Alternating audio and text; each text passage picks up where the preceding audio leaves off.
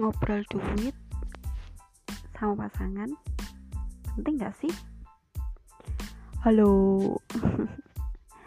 Balik lagi di teman tengah malam bersama Ona Yang akan nemenin kalian di malam sunyi kalian Oke okay.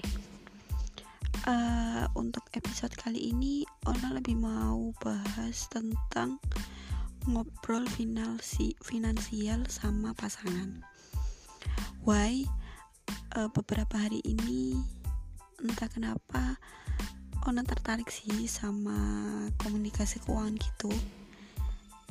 Entah itu udah entah itu sama keluarga teman atau sama pasangan kalian. Cuma di podcast kali ini Ona mau bahas yang lebih ke pasangan sih gitu. Jadi gini kenapa ngobrol masalah keuangan atau finansial lu ke pasangan lu itu penting. Karena itu gambaran awal gitu loh. Kalau kalian mau lanjut ke hubungan yang lebih serius itu gambaran awal gimana nanti kehidupan lu sama dia gitu. Bukan cuma cewek tapi cowok juga.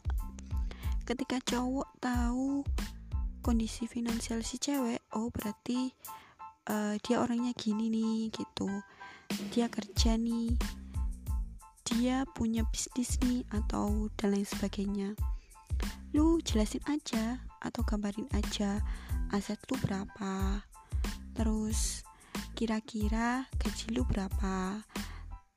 Pengeluaran lu tiap bulan itu berapa. Jelasin ke dia. Jelasin ke pasangan lu biar dia juga paham gitu oh berarti nanti kalau gue hidup sama dia konsekuensi yang harus gue ambil tuh kayak gini.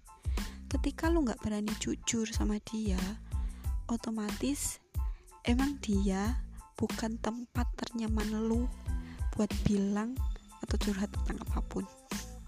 Dan karena lu takut karena lu takut ditinggal sama dia kan gitu. Gitu karena sebenarnya gini sih.